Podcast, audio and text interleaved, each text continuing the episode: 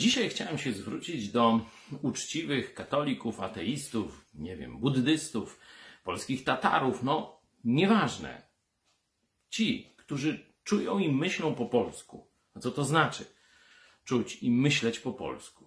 Owszem, miłość do ojczyzny, ale od wieków cechowała nas miłość do wolności.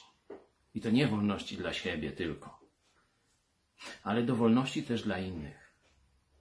Inaczej mówiąc, człowiek wolny wtedy dopiero cieszy się swoją wolnością, kiedy widzi, jak inni się nią cieszą. W momencie, kiedy byłbym otoczony przez ludzi, niewolników, no to moja wolność nie smakowałaby mi tak samo, niż jakbym się poruszał w środowisku wolnych ludzi. O tym pamiętali nasi przodkowie. Dlatego Rzeczpospolita słynęła z tego, że dawała wszystkim wolność.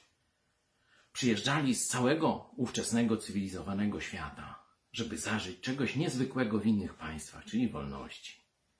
Potem w XIX wieku nasi tułali się po całym świecie, bijąc się za wolność naszą i waszą. Dzisiaj, jak wiecie, prosimy was o pomoc. Niewielką, żebyście tylko kliknęli, poparli naszą petycję do rządu RP, by zaprzestał prześladowania jednego z chrześcijańskich biblijnych kościołów, Kościoła Nowego Przymierza w Lublinie.